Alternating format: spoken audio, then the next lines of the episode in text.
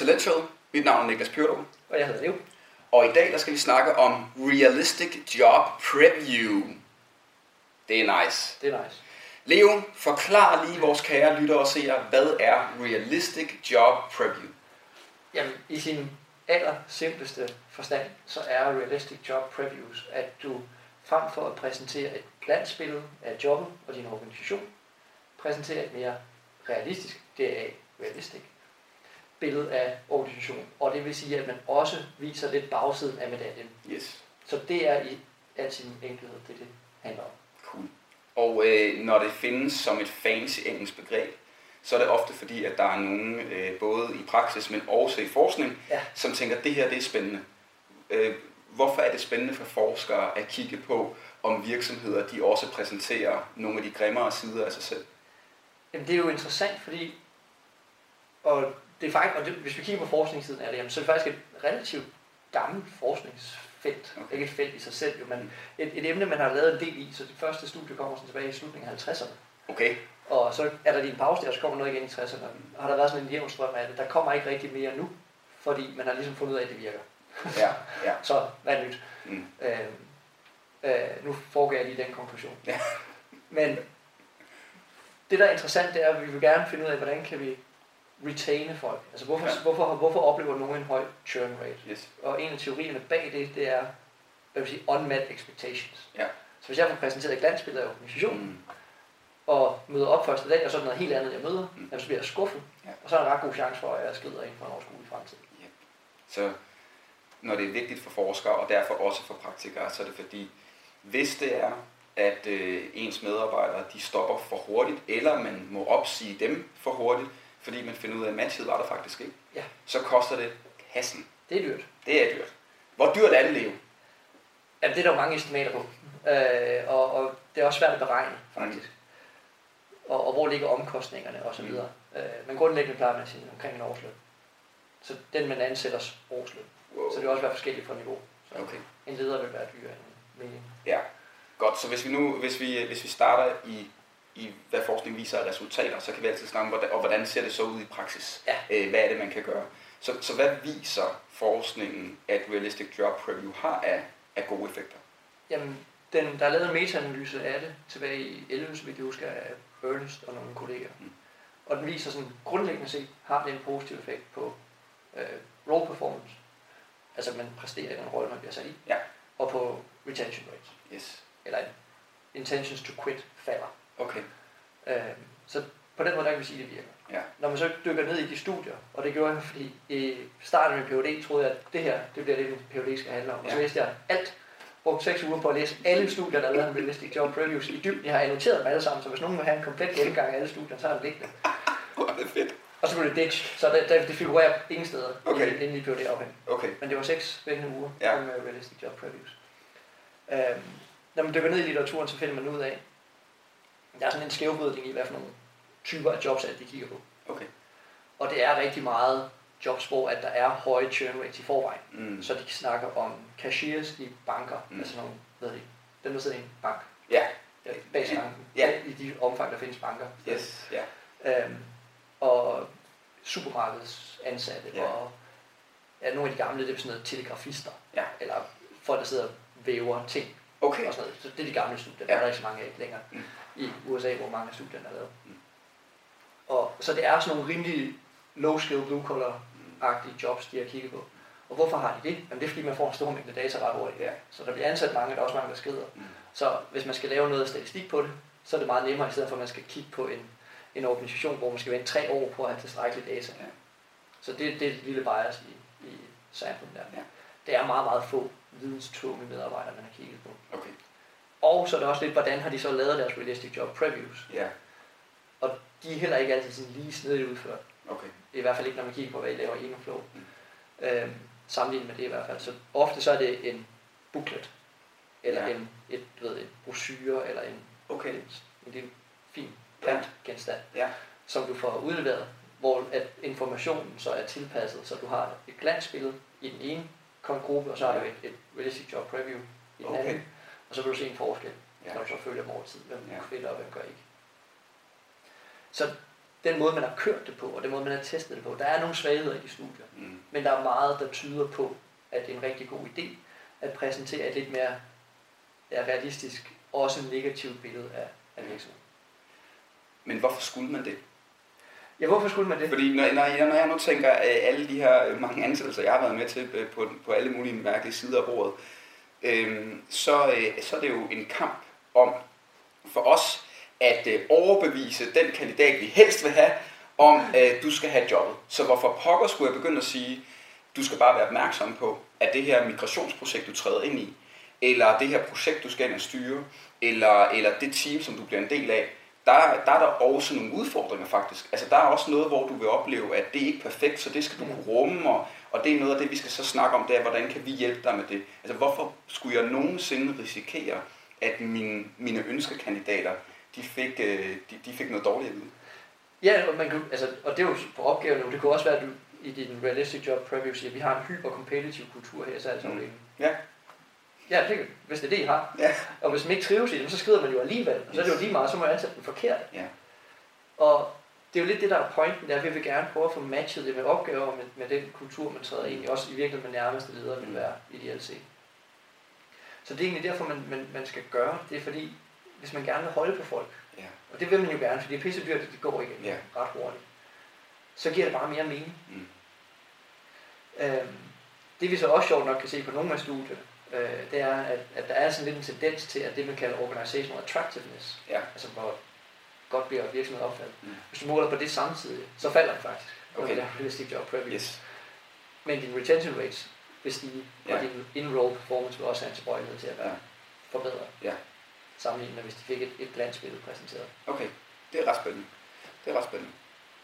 Så øh, igen i praksis, så, øh, så tænker jeg, hvor- hvornår er det, at virksomheden skal præsentere billedet Mm. af sig selv og af, af jobbet for kandidaterne. Det første sted, det er jo helt overordnet sådan noget employer branding. Hvad er det for Ja. en historie, man har? Og så kommer det ned til jobopslaget på, på de enkelte rekrutteringer, der er. Der, det er ligesom det, der er et møde der. Mm. Og så er det, når personen kommer igennem en rekrutteringsproces, og især i interviews bliver mødt af, okay, øh, hvad er det så, vi sidder og snakker om, og hvordan præsenterer vi os selv? Så, så hvis vi nu skulle tage det til os, det her realistic job prep, Ja. øh, hvordan ser du, eller hvordan viser studien måske, at det så virker, eller hvad skal man gøre helt konkret? Altså er det, som du siger, at, at sige de gode ting, men bare også sige de udfordringer, der er? Egentlig, det er nok så simpelt, som man kan gøre det. Ja. Så hvis man ved, at din nærmeste chef han er gevaldigt rodehoved, eller hvad ved jeg, jamen så kan man jo sige det. Så, og du er også ansat, fordi at din chef er et rodehoved, han har ikke styr for en skid, men øh, det regner med, at du kan få. Ja. Fordi det kan vi se på din talentpakke, eller den måde, du har gennemført casen på, viser, at du er rimelig god til at lave orden i Ja. Så det er faktisk et godt match, men I skal være opmærksom på, at i den første periode, der vil I nok drive hinanden en lille smule til vanvid. Ja. Men I er ansat, fordi at I kan få det bedste ud af hinanden. Ja. Og så kan man jo tage en, en, en snak om det, Ja. og man kan arbejde med det, Ja. og man kan også tilrettelægge sin onboarding efter. Øh, Jeg tænker flere ting der. Jeg tænker, når vi nu lige snakker den her funnel, der starter i employer branding til recruitment marketing og ned til, til, til selection. Øhm, øh, jeg, vil nok være, jeg vil nok være forbeholden over for at øh, smide øh, mindset om realistic job preview ind i min employer branding. Klart. Øhm, det kunne, øh, med mindre at man tænker, okay, vi vil gerne stå for nogle værdier, der handler om autenticitet og øh, menneskelighed, og derfor så laver vi øh, nogle videoseancer med vores øh, mellemledere, som siger, hej, mit navn er Preben, jeg er et hovedhoved. øhm, så jeg har, så, og, og, og så samtidig siger, men så er der så meget andet, jeg er god til, men jeg er et hovedhoved. Faktisk, mens jeg sidder og siger det højt, så tænker jeg, okay, det kunne faktisk være en ret fed Det er en god idé, Niklas. Ja, måde at udstille, altså sådan, at, at, at, at, øh, at jeg præsenterer sig selv på, fordi man netop lige pludselig bliver menneskelig, og man bliver, man bliver autentisk, når man tør at snakke om de ting. Og det er faktisk ret skægt. Nå, og så i recruitment marketing, øh, det her med, hvad det, vi skriver i vores jobopslag. Øhm, der, er der, der, er, der er et eller andet jobopslag generelt set, hvor formatet gør det svært, fordi vi gerne alle sammen skal prøve at få det til at passe ind på en one-page. Ja. Ja. Fordi det er sådan, som er, hvad hedder det, jobportalerne og LinkedIn og muligt andet virker. Øhm, men der tænker jeg også, der kan man jo sagtens have en overskrift, der hedder, øh, hvad, skal, hvad skal man sige, de udfordringer, du, vil være, du, du skal være med til at løse. Mm. Øh, og så kan man jo også godt bare ture og netop at fremstille nogle af de ting, som vi godt ved. Altså det med, vi, vi er i gang med, med udrulning af et større ERP. øh, system. Og, og det er en udfordring, som du skal være med til at løse, det er, hvordan håndterer vi det i teamet Mm. bedst, eller organisationen bedst. Øhm, Og så fremstille, og, og, så det man ofte ser, når man laver nogle af de ting, er, at man, man tager sådan en negativ facet, og så prøver man at frame den positivt. Ja. Men bare unapologetically frame det som det negative skød, det er. ja, Og så bare lægge det ud. Ja. Det skal man forholde sig til. jeg tænker, og jeg tænker også, at der er en øvelse i, øhm, øh, der er en øvelse i noget selverkendelse. Mm. Altså det at skulle kigge indad, og så ture, altså det, det, for det, det, det, det forudsætter det her jo faktisk. Hvis jeg skal kunne, altså hvis vi som organisationer skal kunne fortælle kandidaterne, helt ned på lederniveau, på teamniveau, på opgaveniveau, på alt muligt, øh, både øh, det som vi gerne, altså det som vi ved, vi kan tilbyde, og, øh, og de udfordringer, som du også vil møde herinde, så skal vi jo ture både at undersøge det, og vi skal også ture kunne tale om det. Det vil sige, at vi skal faktisk altså, ture at tage snakken med Preben om, at, at han er en rodhoved. Ja. Og, at, øh, og det skal Preben kunne snakke med, med, med hans kollegaer om, og med hans egen leder om, og med HR om, og med alt muligt andet. Øh, men lige så meget skal Preben jo faktisk kunne erkende det, sådan så at han kan vise den sårbarhed, når kandidaterne sidder der, til at kunne sige, øh, nu vil jeg lige være ærlig. Nu har vi været omkring alt, der handler om for eksempel opgaver og dine kompetencer, de er afdækket, og vi ser lidt på nogle talentprofiler. Vi gør alt det, alt det fede. Nu siger jeg til dig, jeg er rodehoved. Og når jeg nu lige kigger for eksempel, hvis man laver noget psykometri af den ene eller den anden art, eller også bare i en kvalitativ dialog, så, du ved, skal vi to ikke lige snakke lidt om det? Altså, hvad, hvad, hvad kommer det til at betyde for dig, at jeg er lidt rodehoved? Men lige så meget også, hvad, hvad, hvad skal du være opmærksom på, at jeg kommer til at, at give dig udfordringer? Mm. Fordi jeg er et rodehoved. Øhm, det der vil jo også, og apropos, og det er jo sådan noget helt andet, apropos det her med, så, så kan vi faktisk allerede i rekrutteringsprocessen fordre psychological safety, fordre den her sårbarhedsbaserede tillid, hvor at vi så ved, at vi kommer ind i en organisation, hvor det er okay at sige de ting, der er uperfekte, så det er noget, der kan bo mellem os. Altså, vi to sammen håndterer et præg, Og vi løser, vi løser, vi vi, løser det sammen. vi løser det. Ja. Lige så vel som når det er, at, at, at, jeg for eksempel glemmer at tage memory cardet ud af computeren og lige ved at starte en hel optagelse i det her show, og at, øh, og at øh, det ved du godt, for det har jeg sagt højt til dig, at øh, du ved, jeg har nogle toptalenter, og så har jeg også nogle non-talenter, øh, og det ved du også, fordi du har set den, og så kompenserer du lidt for det, og så griner vi af det, i stedet for at, Præcis. at jeg ikke havde sagt det, men, og, jeg, og jeg endda måske prøvede at skjule det, fordi jeg ikke ville tage et ansigt øh, over for dig. Nemlig. Og, og den der sårbarhed, som vi har talt om, det er sådan et gennemgående tema efterhånden. Yes. At turde vise det. Ja. Og, og drop glansbilledets forestillinger. Der er jo ikke nogen, der køber de der glansbilleder alligevel. Nej. Og det er der, hvor nu, øh, det er altid, det er altid mærkeligt, når vi selvfølgelig snakker om, hvad, hvad hinanden laver, fordi vi vil faktisk gerne holde det her show neutralt, Ja. og ikke komme til at handle om, om vores, altså vores organisationer og vores virksomheder.